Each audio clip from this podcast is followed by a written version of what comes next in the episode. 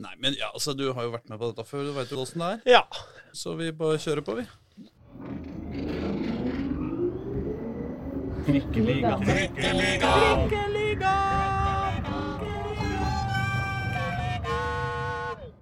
Mine damer og herrer og andre, velkommen til Trikkeligaen, Dagsavisens podkast om Oslo fotball. Eh, sesong tre, episode 51 har det blitt når jeg er der. Det er fantastisk. Det er Altså i år, men ja, i år, ja, altså i sesong tre, ja. Hvordan er det mulig? Nei, vi har hatt flere i flere uker. Ok. Eh, vi, er, vi har vært på jobb, altså. Ja, skjønner det. I dag, ja, Jeg heter Aslak Borgersrud, forresten. Og i dag eh, så er det ikke bare oss to i studio. Vi har også eh, besøk av Oslo-legende, suksesstrener, opprykksfavoritt eh, hvert eneste år nesten, men som alltid feiler på målstreken. Selveste Jørgen Isnes! ja. Takk for Oslo-legende, da. Det må jeg si. Det var voldsomt i en alder av ja, 43. Ja, ja, ja. Nei, men jeg måtte, jeg måtte dra på litt siden, siden, eh, siden det skulle komme den halen der. Ja, den er vond. Det begynner å bli litt sånn nå. Ja, Men du er vel vår hyppigste gjest? Ja, det ja, det? det er det også. Det, det gjør deg jo til en Oslo-legende. Jeg syns det. Ja, sånn er det når man ringer inn og spør om å være gjest. Så blir det litt sånn. Nei, men altså, da, da er du ferdig, ferdig med sesongen. Det blei fjerdeplass uh, i år, uh, blei det ikke det? Det ble det. Eh, fjerde året på rad med øvre halvdel i Obos-ligaen. Ja, det blir jo det hvis man tar med den sesongen vi havna utafor kvalik etter den uh, voldsomme fotballkampen oppe på Raufoss. Ja, Da havna vi rett utafor uh, kvalik. Så uh, hvis man ser sånn på det, så er det jo fantastisk. Og det har vært en meget god sesong. Eh, og så er vi selvfølgelig veldig skuffa over at det blei som det blei på, på slutten. Så det prøver vi å finne litt ut av hvorfor i, i disse dager. Ja. Hvor langt har dere kommet i evaluering? Ja, lite grann. Eh, Det er klart vi holder trening i gang, og vi har litt spillesamtaler eh, og evalueringer både gjennom trenerteam og spillergruppe. Eh, Og jeg tror ikke det blir én faktor vi kommer til å peke på. Den er litt mer sammensatt, og derfor så kommer det til å ta litt tid også. Jeg tror det har vært styrken vår faktisk de andre årene, mm. hvor vi har jobba på samme måte, og så har vi nesten prestert bedre året etter, da. Ja, Det, det er jo litt sånn nesten dilemma, tenker jeg. Det- Dere har jo isolert sett gjort tidenes beste sesong, Mm. både poengmessig og ja, prestasjonsmessig. Samtidig som det har vel to seire på de åtte siste, som da blir en veldig dupp på Ja. Avslutninga blir sånn øh, kjedelig, da. Ja, du sier det på den måten, og så kan jeg si det på en litt annen måte. Eh, Fordi den dårligste perioden vår i år var fire kamper uten seier, og det var 0-2-2. Eh, Og det var riktignok før de siste kampene, før vi møtte Brann. Så, eh, Men det gjør også at vi havner på fjerdeplass. Ja. Eh, Det at vi har faktisk eliminert lange perioder med svake resultater. Dessverre så kom dette eh, på slutten av sesongen. Eh, Så jeg er mer opptatt av hvorfor vi så ut som vi gjorde sånn rent prestasjonsmessig enn eh, bare resultatene. Ja, nettopp. Ja, men for man kan på en måte ikke sant, Man kan se på det som en sånn det er, det er jo veldig fristende å se på det som en, som en oppover, oppover, oppover. ikke sant? Tide, det beste resultatet eh, noensinne, som du sier. Samtidig så er det jo altså det er jo fire sesonger Og så sier man jo også eh, jo, så sier man også at, at det å gjenskape resultater er jo, er jo på en måte nesten enda vanskeligere enn å skape dem i første omgang. Alle kan få én god sesong. Å få fire gode sesonger på rad er jo eller sånn, eh, egentlig da, Mm. er jo en, eh, en enda større prestasjon, også med deres eh, ressurser og, og sånn. Samtidig så, så er det jo litt sånn ekspander eller dø.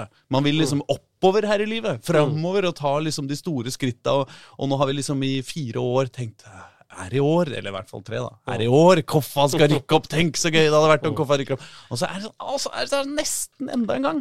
Ja, det er jo det som gjør det skuffende. Vi er skuffa. Eh, Vi er skuffa over at vi ikke hang med helt inn om andreplassen.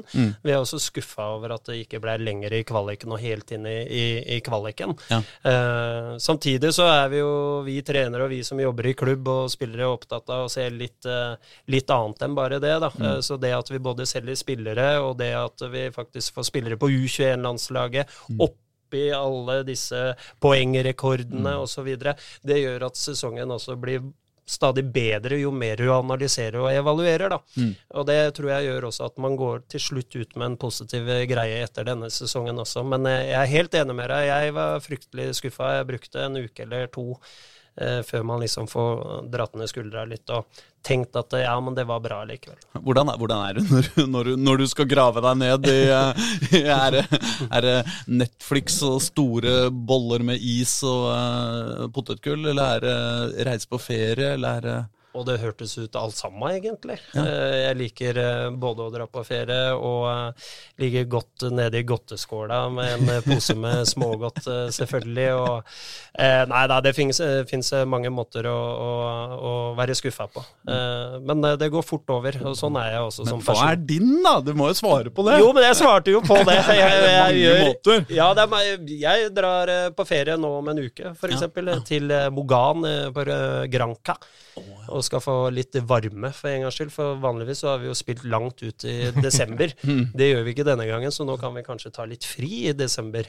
Det er litt deilig å slippe den der Men jeg har vært nede i godteskåla òg, det er det jeg mener. Ja. Eh, Og den har vært ganske stor til tider, så Ja, men det er fortjent. Ja da. Ja. Men hvordan har spille, En ting er hvordan du har tatt det, men hvordan har spillergruppa tatt, tatt avslutningen? Men det gjenspeiler nok eh, meg som leder òg, og det håper jeg det gjør også. For hvis de ikke gjør det, så er det litt mismatch mellom hva en trener og hva en spillergruppe ønsker. Så eh, de var fryktelig skuffa. Eh, og spesielt etter Kongsvinger-matchen, men vi var også skuffa over enkelte prestasjoner på slutten av sesongen.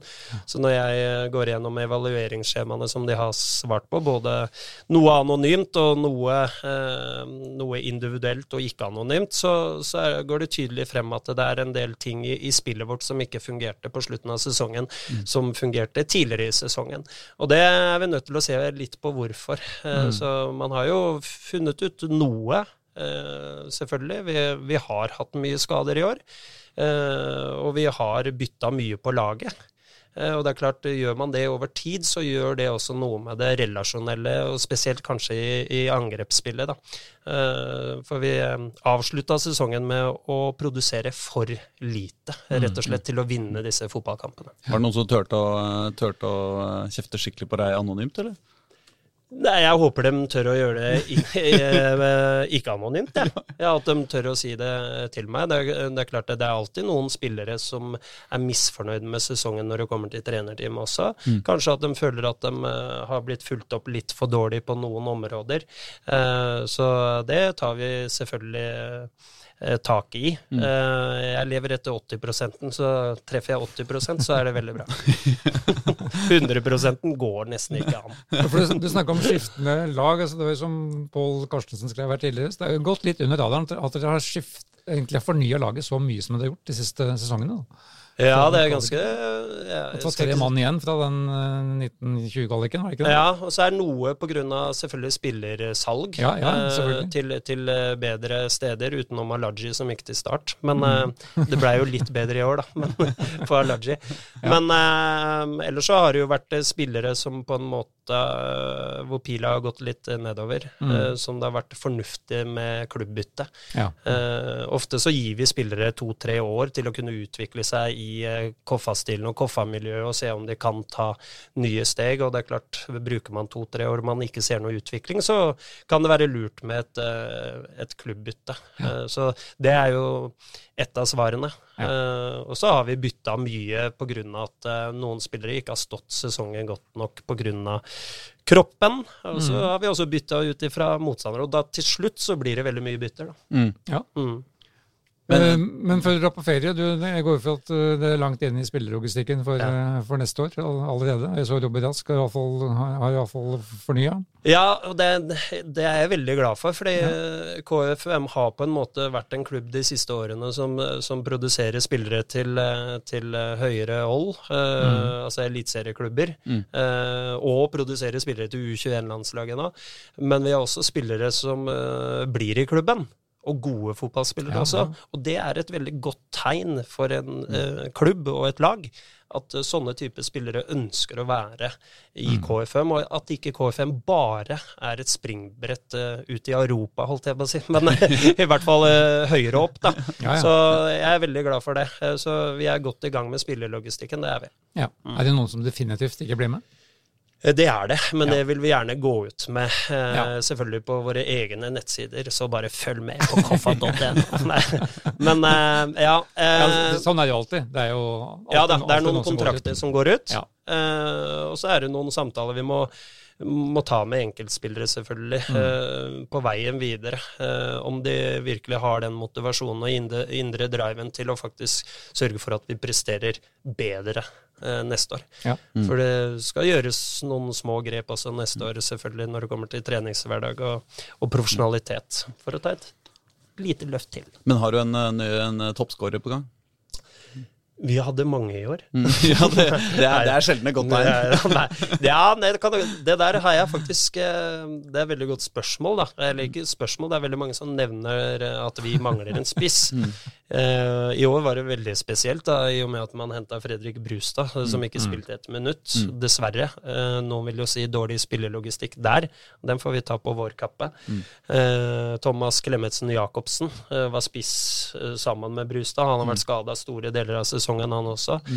Eh, men vi har skåret over 60 mål. Eh, Og det er ikke veldig mange andre lag i Obos-ligaen som har gjort det. Nei. Og så kan man si at uh, ja, men hadde dere hatt en spiss som skårte 20?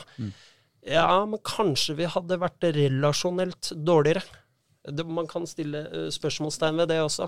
Vi har vel, jeg tror vi har seks eller syv spillere på over seks mål, mm. Eh, som er eh, faktisk mer enn veldig mange andre. Eh, det gjør oss mer uforutsigbar i måten vi angriper på, og hvilke spillere motstanderne skal se opp for.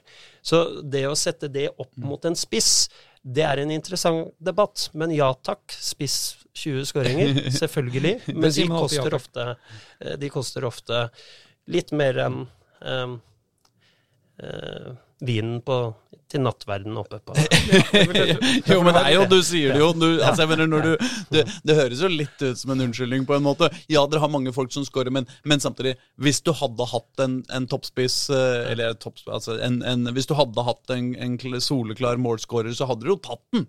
Altså, du hadde jo brukt den, ikke sant? Så, Selvfølgelig det, men det er ingen unnskyldning. eh, og uh, jeg mener fortsatt at det er også en styrke når vi da skårer over 60 Ja. i årets sesong, eh, med at folk sier at vi ikke har spiss, så er jo det fascinerende i seg sjøl. Ja, det er fascinerende. Ja. For det, det, det, som du sier, det, de har seks mann som har skåra mer enn fem mål. Ja. Altså de, de har skåra 41 mål til sammen. Eh, altså, Moussa Njie ble da toppskårer med ni, ni mål. Og så Nunes med åtte. Tor André Sørås med sju, som ikke så mange regner med som toppskårer. Og har spilt litt spiss også, faktisk. Ja, nemlig. Robin Rask, med, Robin Rask med seks, og Petter Nosadal med, med, med seks. Det laveres med fem. Så det er jo imponerende bredde der, da. Ja, det er jo det. Altså, eh, jeg tror alle er enige om at eh, alle trenger en spiss som skårer mye mål. Ja. Eh, Men så er det jo et eller annet med hvilken type, type spiss man skal ha i, inni et system som skal passe. Hva gjør det med spillet ditt? Eh, må du ta større hensyn til hvordan du skal sette opp den type spiss? Vil du produsere like mye målsjanse på den type måte å, å spille på? Det der er jo kjempeinteressant så når det kommer til en fotballfaglig diskusjon, men det blir kanskje litt for mye her. men det du antyder Hei, hei. nei, det var ikke sånn. Nei, men det du antyder, er at du ikke har lyst på Obos-ligaens Ronaldo. Jeg Ikke Ronaldo, nei. Nei, altså, jeg, jeg, jeg, jeg, veit ikke hvem det skulle være, altså. Men en spiller som på en måte går inn og, og er en stor målskårer, og alle veit det, men kanskje ikke helt uh, fungerer for laget likevel. Nei, vi vil ha lagspillere og de som elsker å spille for KF og ønsker å spille for KFM. Det er de vi vil ha, og det har vi treffet ganske bra på også. Så, men det er klart, det, jeg tror vi er enige om at eh, alle ønsker seg en spiss som skårer 20 mål. eh, Som Oskar Aga da, eksempel, gjorde i Grorud. Men da havna Grorud veldig langt nede på tabellen også. Så, så, man må jo på en måte se ja. Men eh, hva med i andre enden av, av banen? Eh, på keeperplassen, er det noe eh, Det er to, keep, eh, to keepere på utgående kontrakt, mm. så det, det vil jo sannsynligvis skje noe der. Eh, For vi har Ja. ja. for du har Emil Ødegaard og Brauti og Mats Viken. Men hvem, hvem er på utgående? Eh, Det er Brauti og, og eh, Viken. Ja, ok.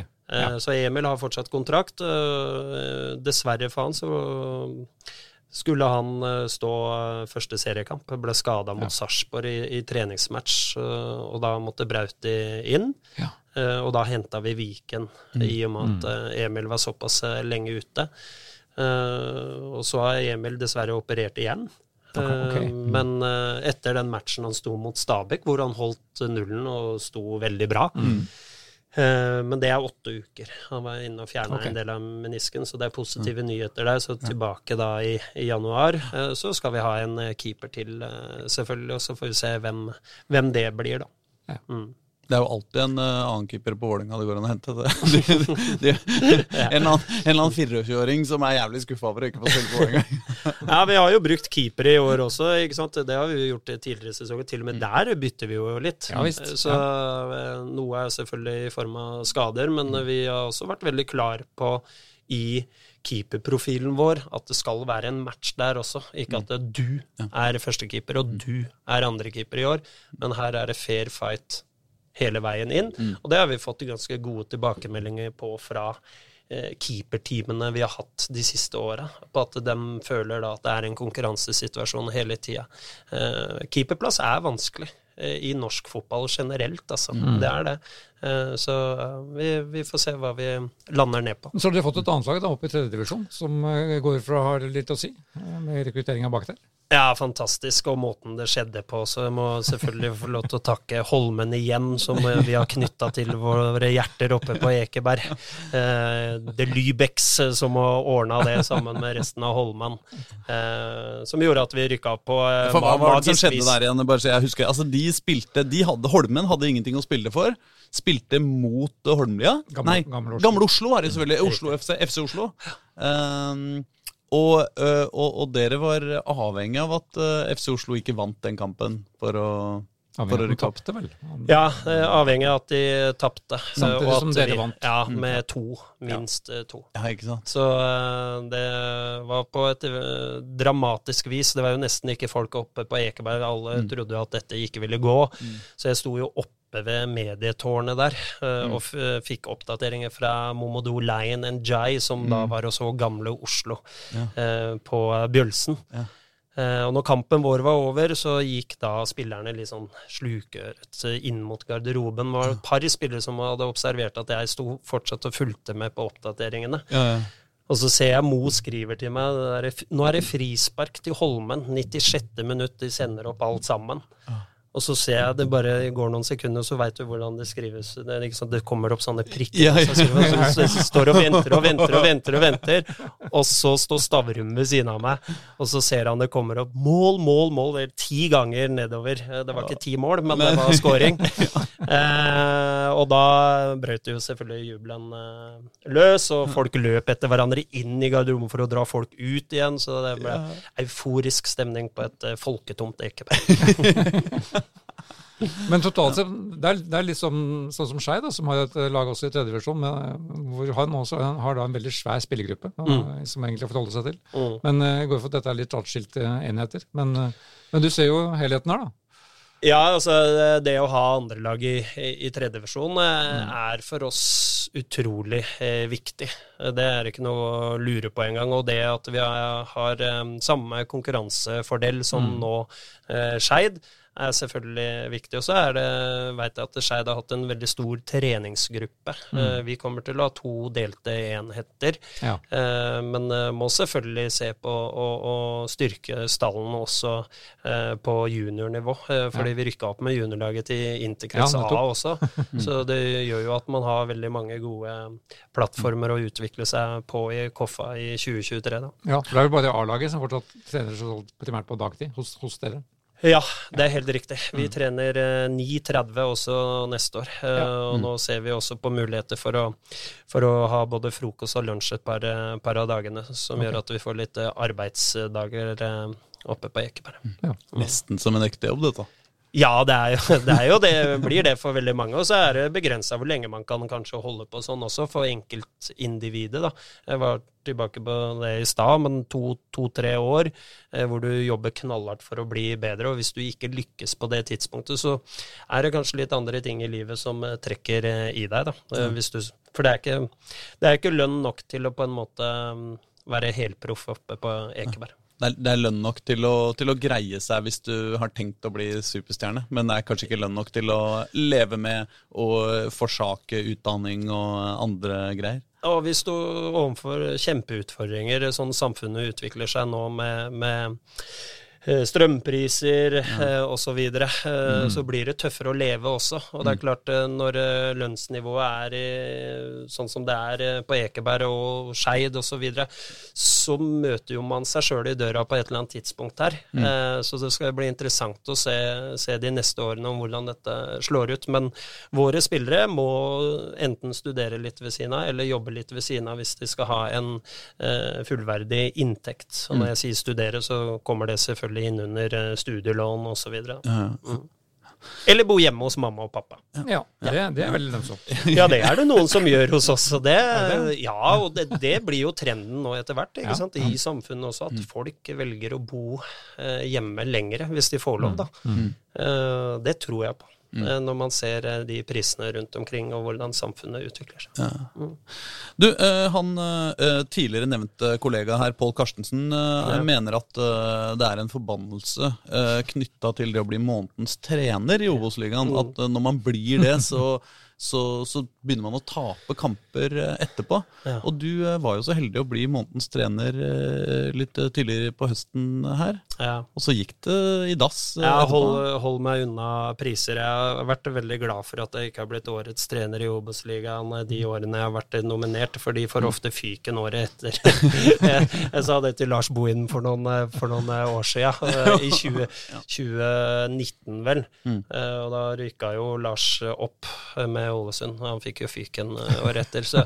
Men uh, altså har jo en viss Grorud-trener blitt årets trener ved et par anledninger òg? Årets unge trener. Ja, årets unge ja, trener. Ja, ja, men, men han fikk noen priser, og nå sparken. Ja da, jeg tror du Hvis du leiter godt nok, så finner du eksempler på det. Men jeg tror statistikken til Pål tror jeg den er ikke veldig god, altså. Men hadde fotballen vært så enkel, da da hadde denne jobben her vært veldig grei. Altså, hvis vi bare skulle droppa månedens trener, og så hadde vi vunnet fotballkamp. Nei, men det var jo sprøtt, fordi at, fordi at uh, det er jo noe der i at liksom dere var så ordentlig på gang. Dere hadde mm. andreplassen inne, mm. liksom. Direkte opprykk. Dere fikk da altså tre sånne priser samtidig. Dere fikk årets spiller, nei, månedens spiller, månedens mm. uh, trener og månedens et eller annet til. Månedens unge spiller. Ja. Alle tre gikk til dere. Og så og alt så så utrolig fint ut. Ja, vi prøver å finne litt ut av det også. Så det, jeg har jo fått utallige meldinger og kommentarer på at mm. vi kanskje var litt tøffe i trynet ute i media også, med, med nå, nå, går vi for opprykk. Mm. Eh, vi kan klare opprykk. Eh, vi er gode nok. Mm. Eh, men det er klart, når jeg får eh, mikrofonen opp i trynet, og så spør meg kan KFM rykke opp, når vi ligger på andreplass. Da sier ikke jeg én kamp av gangen. Altså det, det er sikkert andre som velger å gjøre. men på et eller annet tidspunkt så må en spillergruppe og et trenerteam også få erfaring med å kunne si nettopp det. At vi er gode nok, eh, vi kan klare det. Mm. Og så får det være læringa. Eh, for det var ikke veldig mye prat om det i garderoben. Så mellom kamper og, og til kampene så hadde vi veldig fokus på det som skulle bli gjort, da. Mm. Men det er klart det kan være mentale for, forstyrrelser som gjør at du da eh, selvfølgelig presterer noe svakere. Du kan få høye skuldre. Mm. Uh, som gjør at det relasjonelle ikke sitter i like stor grad. Men du kan ikke svare nei? Nei! Det ville jo vært fjernt. ja. ja. Som presse Da ljuger jeg jo. Ja, som presse må jeg jo insistere på at altså, det er jo ingen som har blitt dårligere av å fyre litt. Nei. Nei, nei. nei, nei, nei. Altså å fyre opp litt i mediene, mener jeg altså. Ja, og det, ja, Fyre litt kan det være noen har blitt dårligere av. Ja, og tørre å si faktisk realiteten nå, da. Mm. Uh, og det er klart Man ser på resultatene mellom kampene. Uh, altså Når kampen var over, hva er det mm. første den spillergruppe gjør? Det er ned på telefonen for å se hvordan det gikk med Stabæk. Ja. Mm. Det å si at du ikke ser på resultater, da lyver du. Mm. Men kanskje man ja, klarer å liksom fjerne dere litt, muligens, mm. ved å ljuge. Mm. Det kan hende. Mm. Men sesongen uh, viste bak Brann, så var det helt åpent. Ja, egentlig. Ja, ja, det var det. Uh, men uh, ja, vi var fryktelig nære andreplassen også i år, i ganske lenge. Ja. Men det er helt riktig, i den perioden der vi gikk inn i, mm. etter august måned, Eh, Så fikk vi et par stygge kamper, annet med Kongsvinger i, i Kongsvingerhallen, mm. hvor eh, Nystuen gjorde alt for at vi skulle tape, og det klarte han også. Så. Med minimal vanning av eh, Ja, minimal, det var ti sekunder. Eh, og de hadde fått faktisk beskjed om eh, at de skulle vanne. Det var en av kriteriene for å, for å kunne spille inne i hallen. Ja. Så når vi kom så var det første de sa, det blir ikke vanna her. Nei. Og da gikk jo rullegardina for, ned for hele gjengen.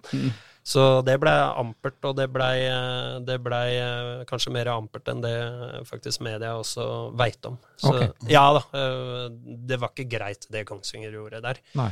Men det er som Nystuen sier sjøl, man gjør alt for å vinne.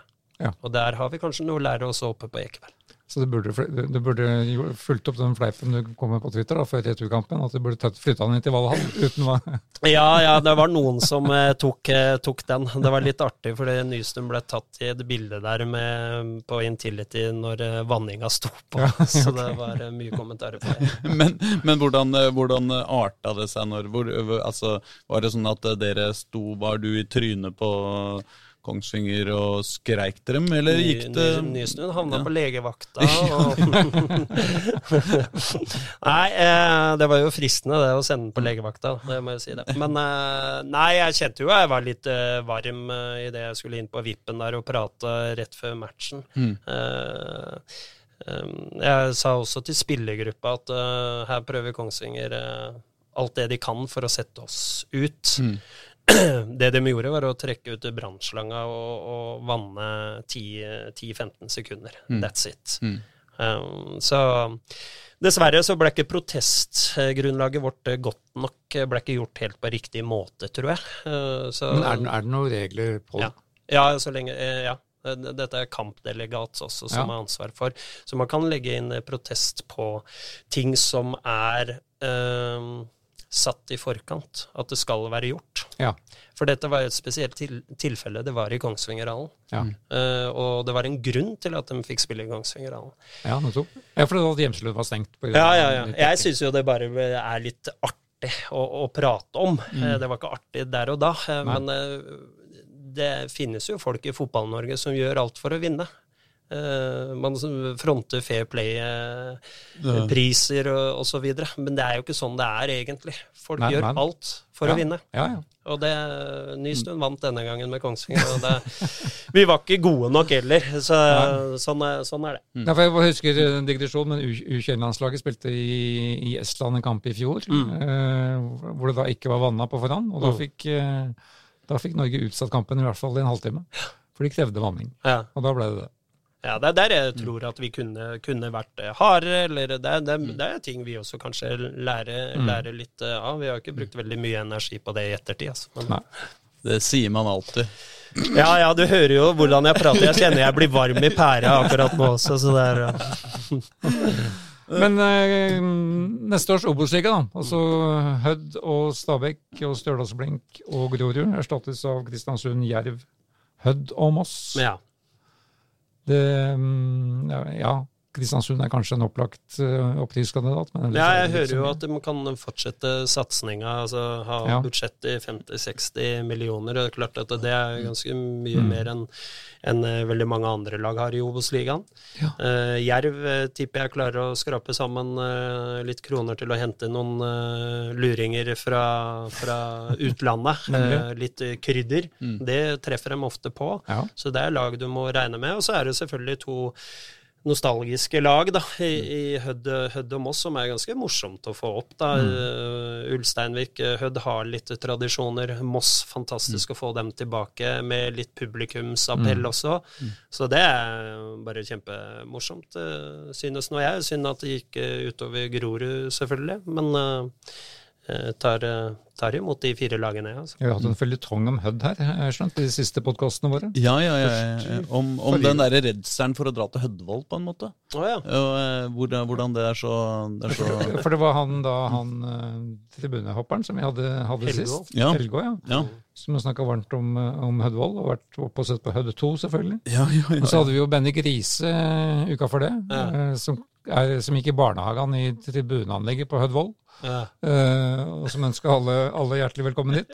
Han hadde for øvrig Robin Rask som, Kåre Robin Rask som den eh, verste motstanderen i år. Ja, På- på beste, beste, beste motstander. beste motstander. Mm, ja. Jeg, hørte, jeg hører jo alltid på Trikkeligaen, selvfølgelig. Ja, ja, selvfølgelig. det det, det. Men- tror jeg har hørt alle episodene. Ja, det er bra. det er bra Nei, men Bjørn Halvorsen på Twitter eh, ja, Vi har masse innsendte spørsmål, men akkurat eh, siden vi først er Ja. der, så ber han oss om å minne deg på at opprykket til Koffa fra Post Nord høsten 2018 kanskje skyldes at Hødd svikta i siste seriekamp. Ja, Det Bjørn Henning må ta med, da, det er at vi faktisk vant noen fotballkamper der også. Så Han kan ikke bare peke på at Hødd tapper poeng, men Hødd tapte jo poeng i tre- i tredje runde. De spilte vel 1-1 eller uavgjort, eller tapte mot Fløy.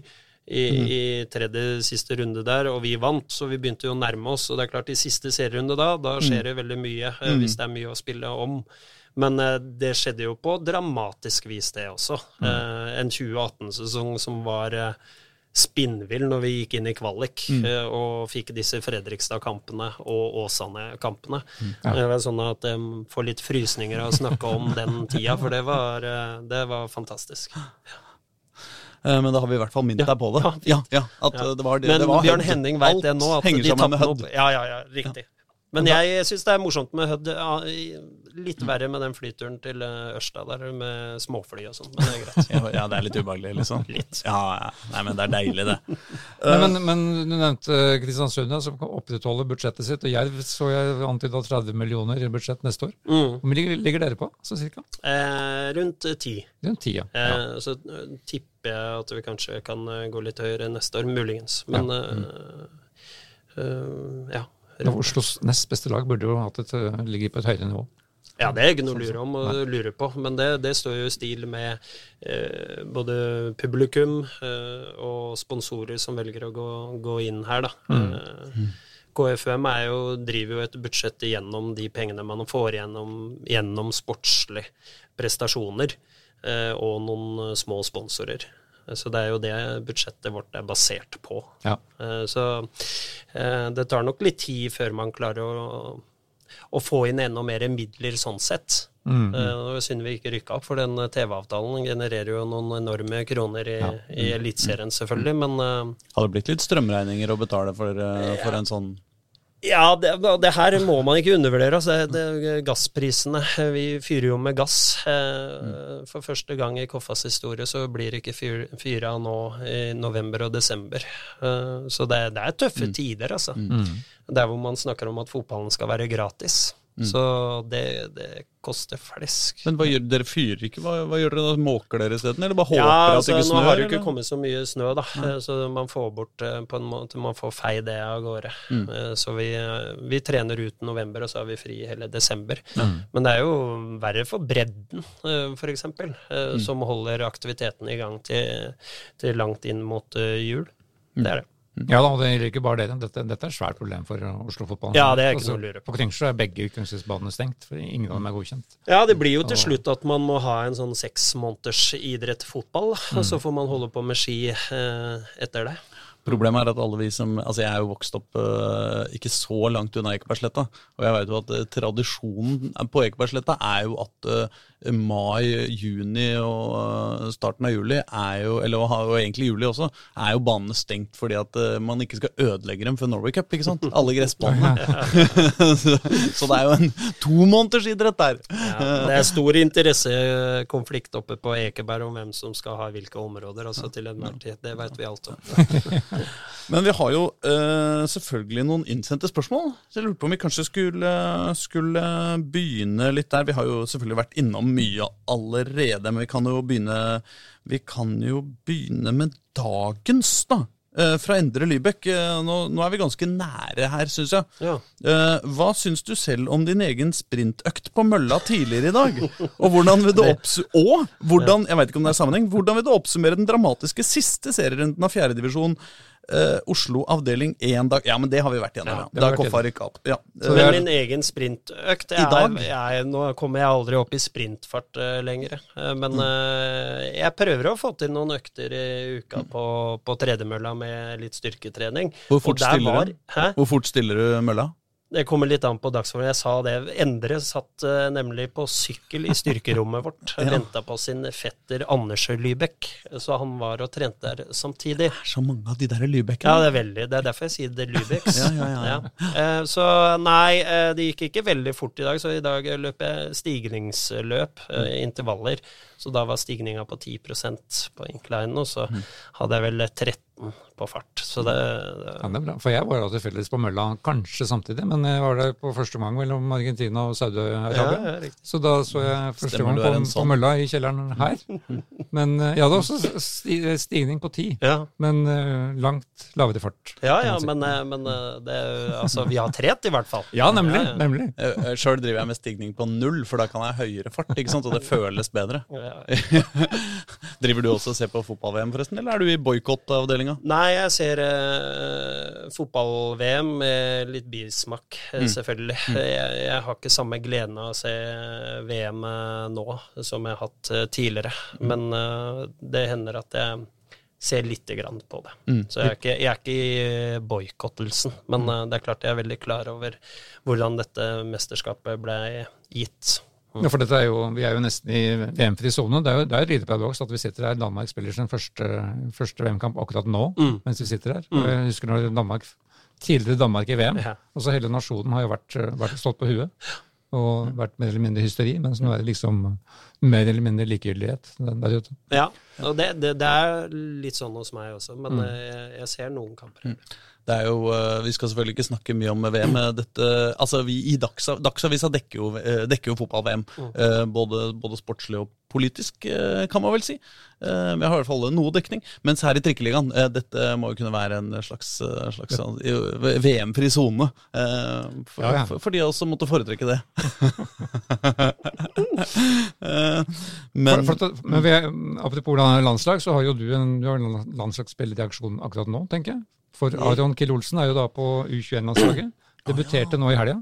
Det gikk veldig bra. Jeg fikk sett eh, kampen. og det, det var et stort øyeblikk eh, selvfølgelig for Aron, men også for KFUM. Mm. Det å kunne ja. ha en U21-landslagsspiller, hvis du ser hvilke klubber disse spillerne er fra, både på det norske landslaget, men også mm. det franske. Mm. Her er du Bundesliga og Premier League og Liga 1 spillere på det franske. Ja. Og veldig mange av de norske er enten eliteserie eller eh, internasjonalt. Så Aron var jo mm. den eneste fra det nivået. Eh, KFUM, da. Ja. Selv om Kolskogen rykka ned med, med Jerv. Men uh, fikk 70 minutter og spilte veldig bra. Ja, for han kom inn etter 25 minutter bare? Ja. Noe sånt? Ja, så det var en veldig god uh, debut. 1-1 mot Frankrike, for øvrig. Og så spiller de mot Tsjekkia vel akkurat nå? Romania. Rom Nei, det er kanskje Jeg tror Tsjekkia, ja. Og der er det jo et Det er jo et EM-sluttspill som kommer uh, neste år, som, er, som er, har gått litt under radaren for folk flest. U21-landslaget er også et EM-sluttspill ja, i slutten av juni. Mm. Um, det er jo tre-fire Vålerenga-spillere der også, i, i, den gjengen, som også spiller nå. Så der er en liten kabal med Fotballforbundet, skjønte jeg, og kamper. og kamper neste år.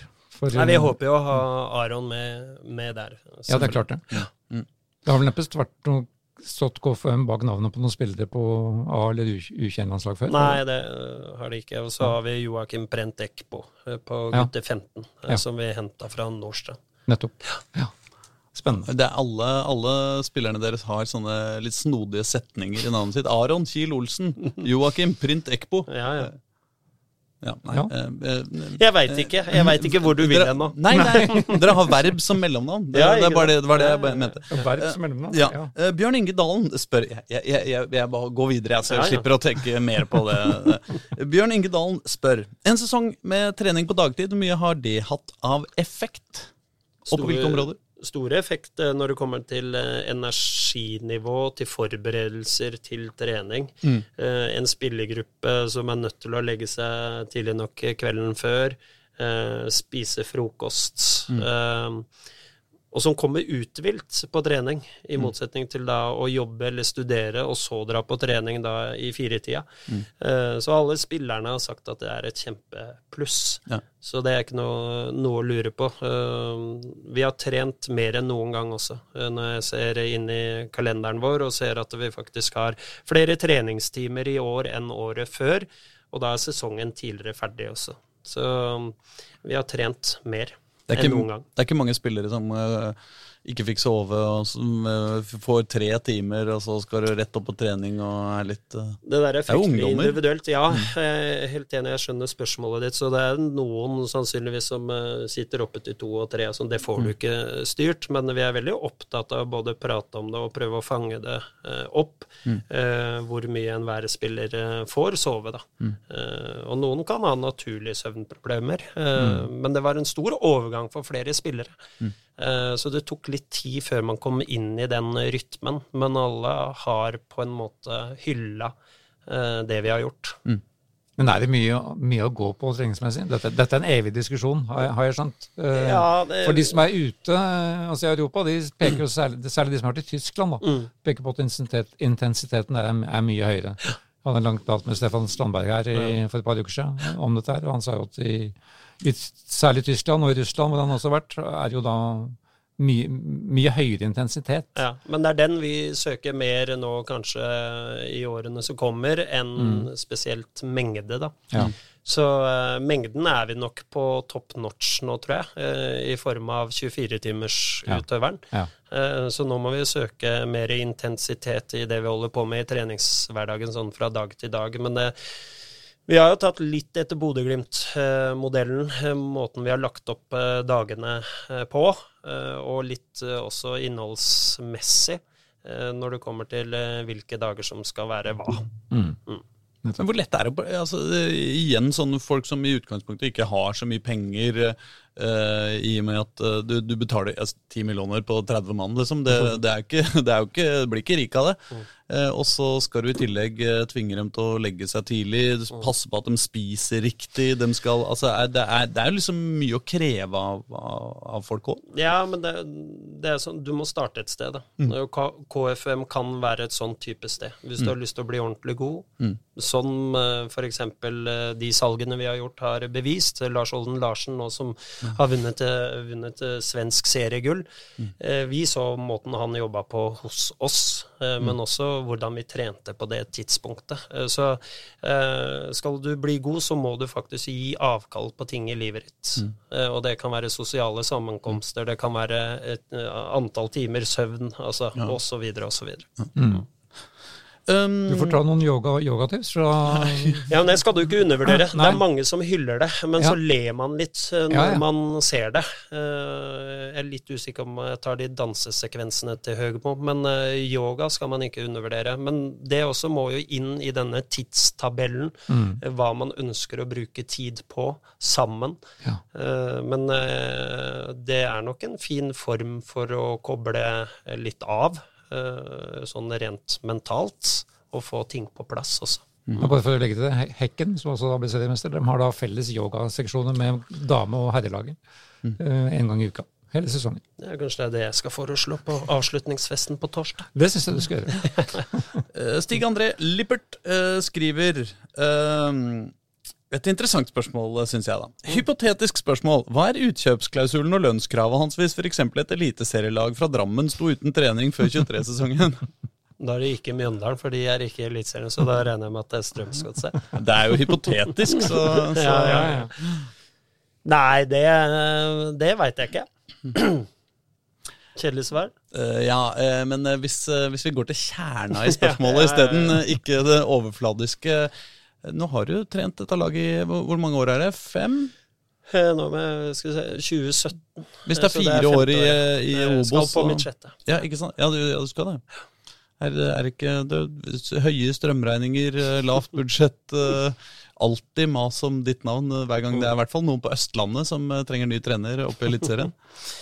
Ja, altså jeg syns det er hyggelig at navnet mitt eh, blir nevnt. Det må jeg jo si. Og så skal det være riktig timing eh, på ting. Det skal treffe meg eh, for å kunne gå til en annen klubb. eh, Ut ifra både mine verdier, men også å se muligheter for å bygge noe, og bygge videre noe. Eh, Så det er mange ting som spiller inn eh, før man tar et eh, eventuelt valg om en annen klubb, da. Så for meg så er det ikke bare at det er et gjevere navn eller en gjevere liga. Det skal på en måte passe, passe inn med, med de tingene jeg faktisk står for. Men altså, ikke sant, du har vært seks eller fem, fem, seks, fem år, da. Eh, Det er jo en eh, ålreit eh, tid, det. Du har levert bra. Du har fått klubben opp på et høyt nivå. Det er jo, ikke noe, det er jo åpenbart et det er jo, Ingen kommer til å bli fornærma på Ekeberg Nei, nei, nei. hvis du stikker. Nei, Jeg er helt, e- helt enig i det. Eh, og som sagt så, så skal ting passe litt sånn med min profil også. Eh, ting jeg leter etter, ting jeg ser er nødvendig for å kunne utvikle noe jeg går inn i. Eh, og det er ikke gitt eh, overalt. Altså. Mm. samtidig opplever jeg deg og dine kollegaer som at dere er på et gigantisk byggeprosjekt, egentlig, som ikke er ferdig. Ja, det, du kan si det på den måten, og så tar jo ting tid. Eh, når du bygger noe, så vil du hele tida møte noen eh, dumper og humper, eller kall det hva du vil. Det heter vel kanskje dumper og ikke humper. Humper går oppover og dumper. ja riktig. Det, det, Farts, eh, ja, det, for det heter fartshump, Ja, ja. eh, men ikke Ja, fartsdump. Og det det er det som Ja, nettopp. Ja, Mm. ned, eh, litt ned.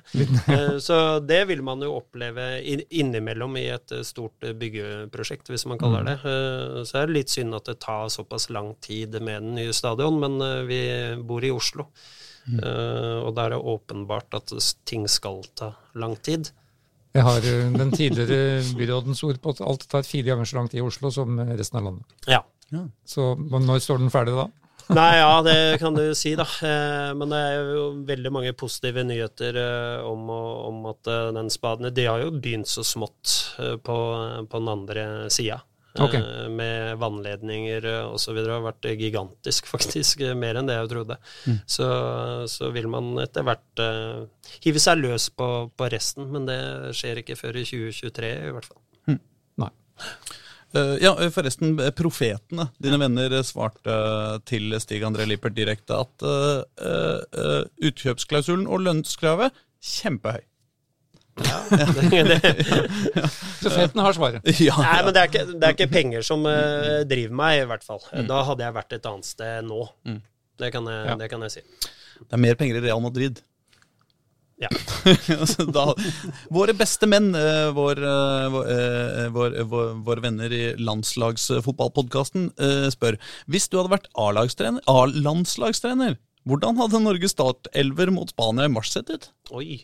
Den, er, den, er, den var voldsom. Ja, det er, det er voldsomt. Ja, eh, det, er, men, men kan Johnny, du si det er Jonny Olsen Ja, det er og Petter Hermansen, er det ikke det? Jo, jo. Petter, ja, ja, ja. Ja. Eh, nei, men uh, er, det noen, uh, er det noen eh, grep du ville ha tatt med landslag? Vi trenger ikke å gå gjennom hele elveren. Nei, da, blir ikke på hele elveren, nei. Nei, nei, det eh, gidder vi ville noe sett annerledes ut? Eh, Og alle skjønner at dette bare er tankelek. Jeg er veldig sansen Altså. for Aursnes inne sentralt, f.eks. Mm.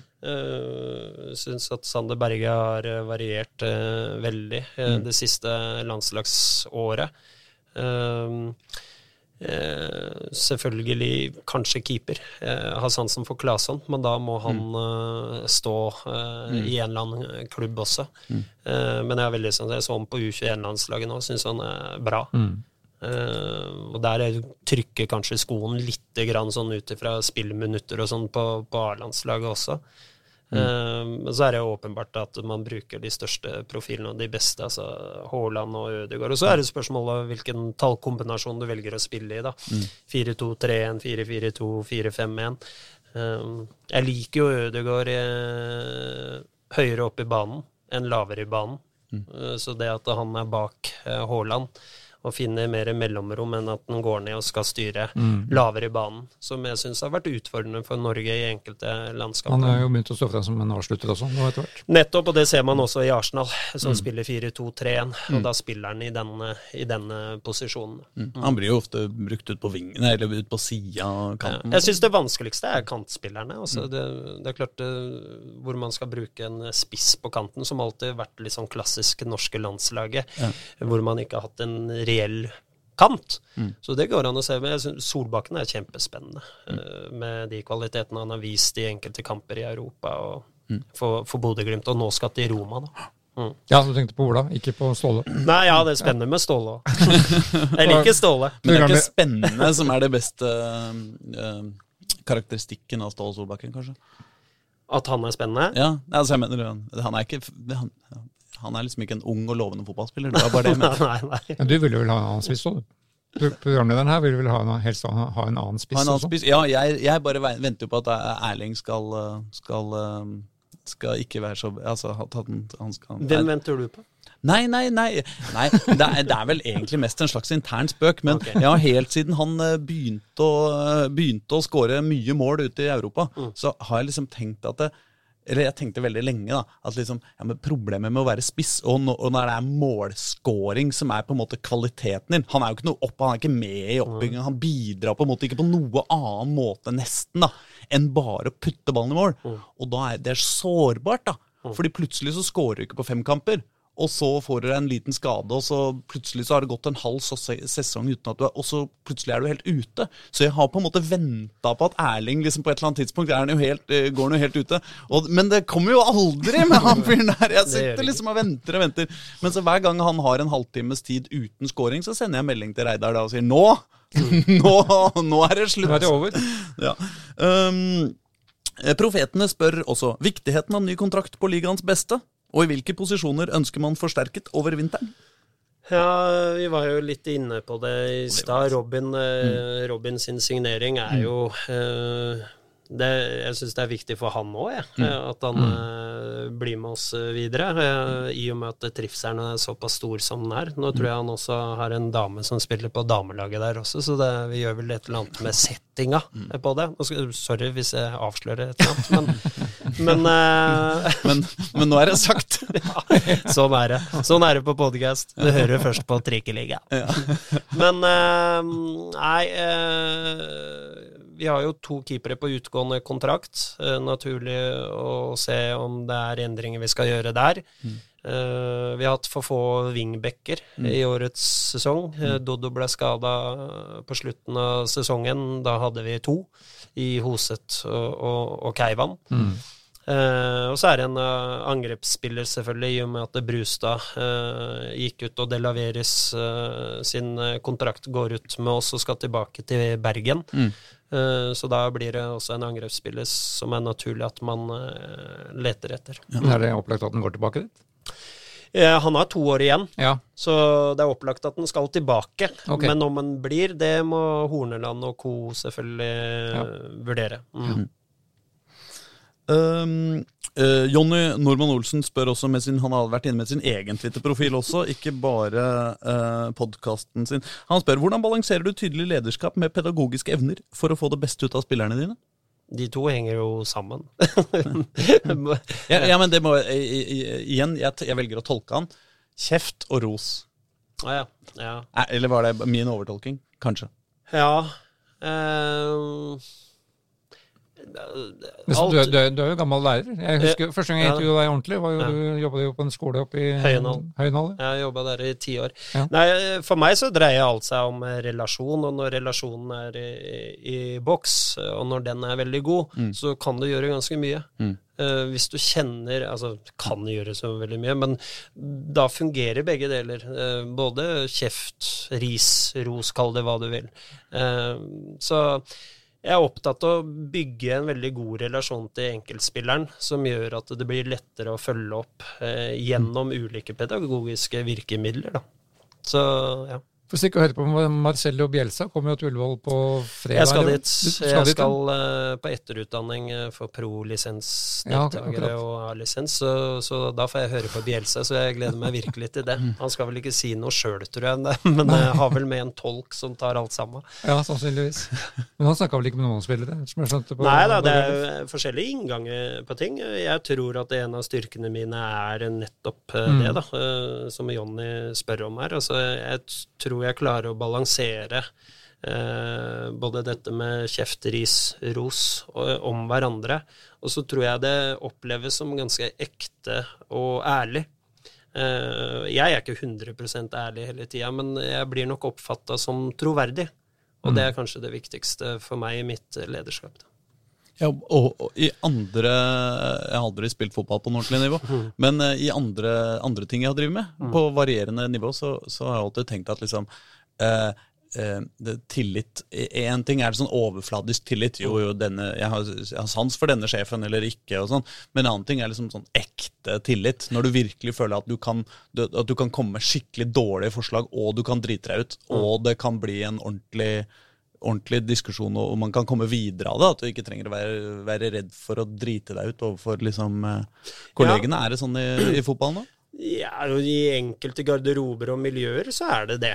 Mm. Og det kommer an på hvem som leder det, tror jeg. Uh, mm. Men jeg tror også det dreier seg om måten du har satt sammen en spillertropp på. Mm. For det er klart at når du får 25 ulike voksne individer, så er veldig mm. mange av dem eh, ferdig utvokst mm. på alle måter. Mm. Og da er det vanskelig å, å, forme uh, personlighet, altså. Mm. Det, det, er noe av det vanskeligste å gjøre noe med. Mm. Så det, det, du sier der om det å kunne utfolde seg og tørre å drite seg ut og sånn, mm. det er ikke bare eh, gjennom at du får tillit. Mm.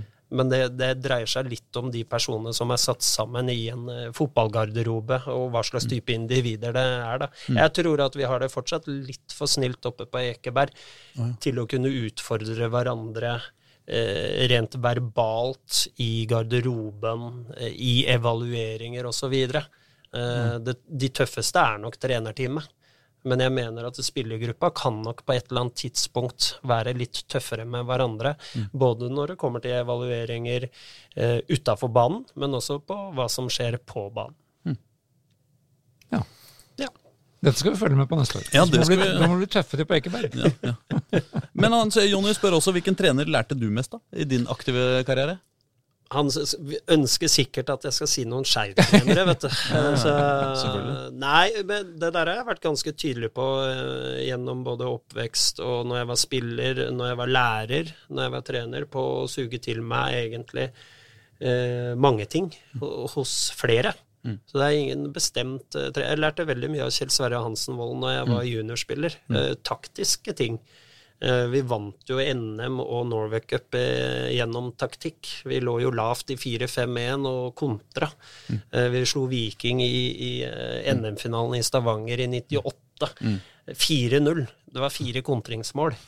Lavt press. Det er deilig. Men, jo, jo, men det er jo smart. Ja. Eh, så Kjell Sverre var en taktiker på det, på det tidspunktet. Eller så hadde jeg Thomas Berntsen i, mm. i, i Lørenskog, mm. sammen med Vidar Gundersen, som uh, har vært litt i Grorud og Skeid tidligere. Uh, som hadde en måte å prate på til spillergruppa som gjorde at det blei litt artig å være der. Mm. Eh, og sånne ting tar man selvfølgelig mm. Eh, til seg. Og så mm. har jeg hatt mange lærere opp gjennom tiden som jeg har stjålet litt fra. Mm. Og så stjeler man hele tida, og jeg slutter ikke å stjele. Bra.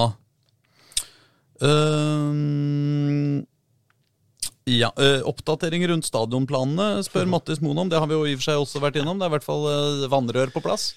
Ja, det er vel noen vannrør, eh, noen voldsomme vannrør, men det tror jeg de holder på med i hele Oslo eh, om dagen. Så. Ja, for vår forrige skåra vel også K5 Arena den dårligste av disse Obos-liga-arenaene, var det ikke det? Ja da, han gjorde det. Altså, han, spurte, han, spør også nå i denne ja. tråden rundt stadionplanen om, om dere kan bare flytte tilbake Om dere bare kan flytte tilbake hvis det uansett tar litt tid med den stadion? Kan dere ikke bare spille? Helgå, er en uh, fantastisk fyr. da Jeg følger han på Twitter, og han, uh, han har nok uh, peiling, han også. Jeg skulle gjerne ønske at ting var bedre oppe på Ekeberg. Vi har mm. gjort det beste ut av det vi faktisk kan gjøre for mm. øyeblikket. Mm. både når det kommer til hva som kan bli satt opp av regler, men også økonomi. Eh, så eh, det at vi faktisk hadde plass til 2500 i år da, eh, mot Brann f.eks., mm. mm. gjorde at vi fikk den opplevelsen. Mm. Sånn rent estetisk så er jeg helt enig at det kan være penere. Men det hadde jo vært deilig, deilig, deilig i Eliteserien. Uh, ikke sant? Eh, hjemmekamp mot, uh, mot, Molde og alle disse høyreiste, staselige, ordentlige fotballspillerne som har vært over hele, ikke sant? og så skal gå over veien på Ekeberg fra garderoben og bort Jo, men det, det, det, noen lag starter der, da. Jeg tror det er flere lag som har de historiene der. Så det, Ranheim starta et eller annet sted, de også. Plutselig så var de oppe i Eliteserien, og så ble det litt finere oppe på Ranheim, i Ranheimsfjæret. Altså. Så må man ikke glemme de historiene der. Nei da. Jeg husker jo Nils Arne Eggen var rasende og fant ikke garderoben på Voldsløkka. For ikke han skjønte, ikke hvor den var hen. Da tror jeg faktisk spilte også. Det, da, ja, ja. Når det er sagt, vi tapte 7-1. Oh. Ja, du, du, spilte den kampen der? Ja, da kom jeg innpå. Det er helt riktig. Gjerdseth uh, spør om du tenker at Molde fremdeles er uaktuelt? Som hva da? Jeg, jeg veit ikke. Som by, eller? Ja, kanskje. Kanskje det er det. Er det- Nei, jeg, jeg, jeg vet ikke. Har det vært en diskusjon om du skulle til Molde? Eh, ja, jeg ble jo ringt opp i, i fjor av Molde. Det, så Skulle det, han der det kom eh, jo ut på et eller annet tidspunkt. Men jeg- Erling Moe var ikke bra nok for dem. Jo da, det er mer enn godt nok. Men det var snakk om inn i et trener, trenerteam der. Ja. Um, og den er jo litt annerledes selvfølgelig enn eh, andre henvendelser jeg har uh, fått. Mm. Så uh, ja, det takka jeg nei til på det, på det tidspunktet. Mm. Og på det tidspunktet Ja, men det fotballen det, ja, Nei, nei, men bruker jeg, siden han spør, tenker du at det fremdeles er uaktuelt? Er Molde er Norges beste, Norges beste lag, altså, skal, og er ute i Europa eh, støtt og stadig.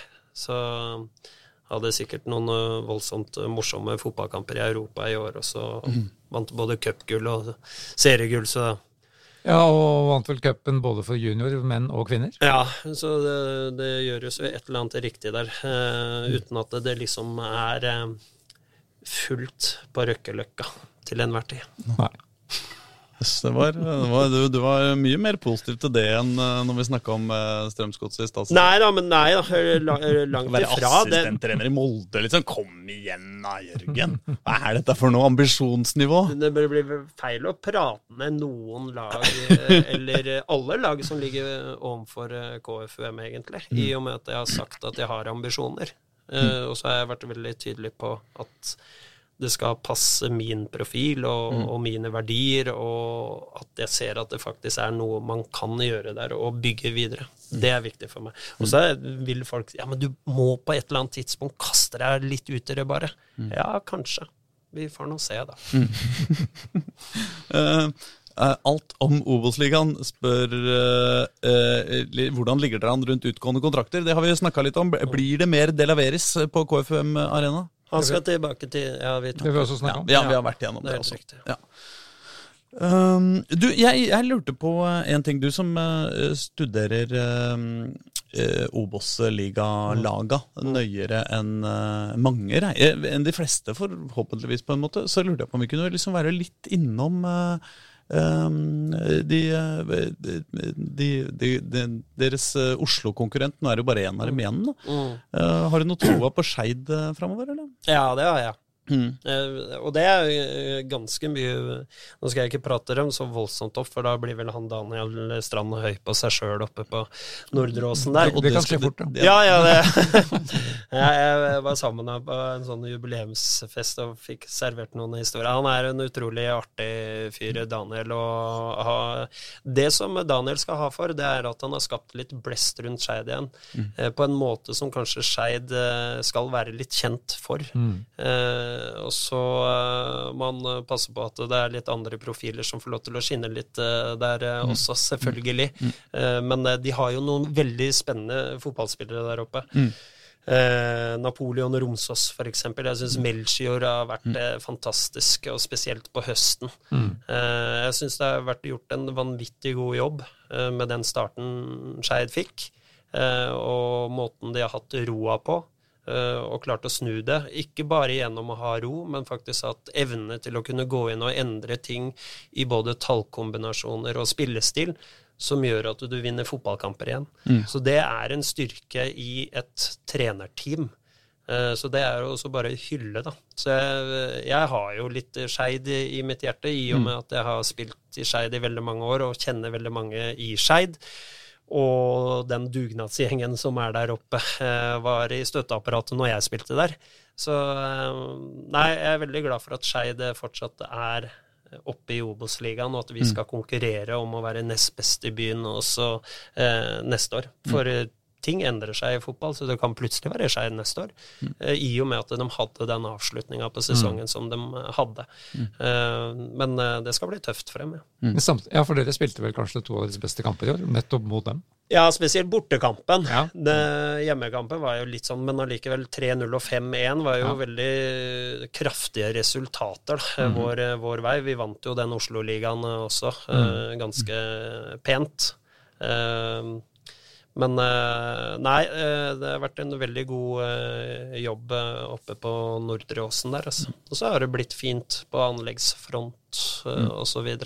Selv om de klager på kokosen. Ja, ja, ja. For de som var deres andre konkurrent i, Obos-ligaen, altså Det har vi jo ikke rekke å snakke om, at Omar Bulli har, mm. har gått til Vålerenga. Ja, det har vi ikke rukket å snakke om. Nei, det har vi ikke nevnt på Nei, denne Jeg tror det skjedde denne uka, kanskje. da. Det skjedde i forrige uke. Ja, men før, ja. Samme det.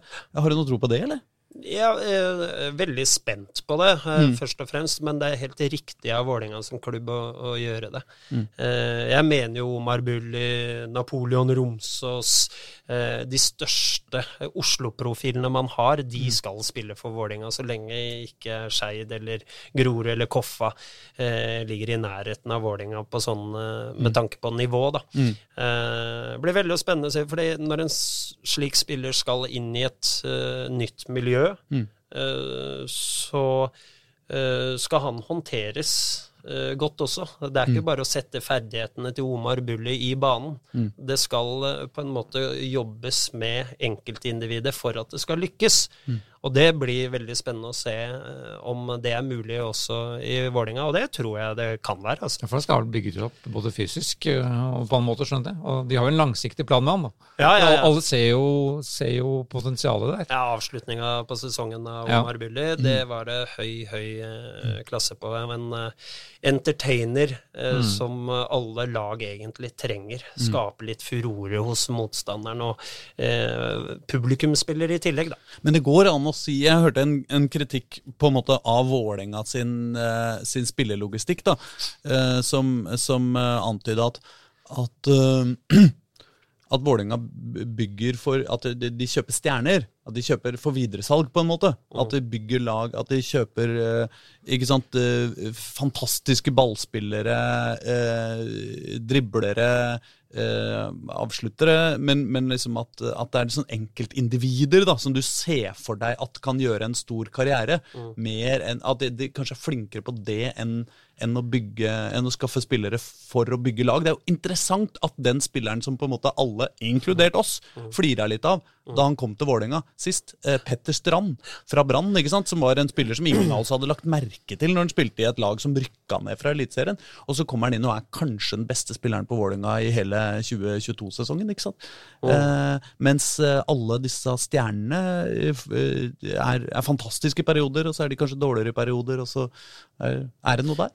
Ja, jeg tror suksesshistorien er egentlig basert på at du treffer på begge deler. At du mm. på en måte klarer å hente Eh, en Omar Bulli som du mm. skal selge videre. Mm. Eh, men at du også treffer på Petter Strand, som mm. kommer til å spille i Vålerenga i ti år fremover. Jeg syns jo personlig, eh, og da mener jeg det personlig at det er altfor mange i Vålerenga de siste åra som ønsker at de skal et eller annet annet sted og ikke spille for Vålinga i, mm. i, ti år fremover. Du må mm. ha eh, kjernen i Vålinga, må mm. elske å spille for Vålinga mm. i veldig mange år mm. eh, fremover. Mm. Eh, og så kan du godt ha noen unge stjerner som faktisk skal til utlandet. Klubb Brygge, eh, kall, kall, det, hva du vil. Og treffer du der, så tror jeg på en måte ja, sky is the limit for Vålerenga. vi er der, ja. Men, mener du at, at, at, det er feil av sånn som Odin Tiago Holm og Osama og si at de vil videre? Nei, ikke de heller. Nei. Men jeg mener at uh, kjernen i et lag må elske på en måte mm. å spille for klubben og se det en del år fremover i tid. Mm. Det var egentlig ja. min perso personlige mening rundt det, og spesielt rundt Vålerenga. Mm. mm. Ja, fordi det blir jo kanskje sånn at man enten har eh, 21-åringer som skal, eh, sant, skal, til Real Madrid om 20 eh, minutter, mm.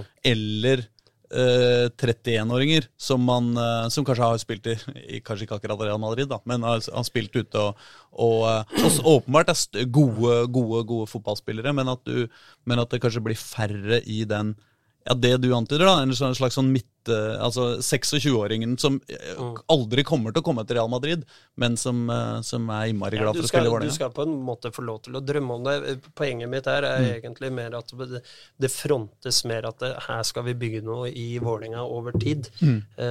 Med unge spillere, med mm. gode etablerte spillere. Det er de gode etablerte spillerne som skal dra det lasset der.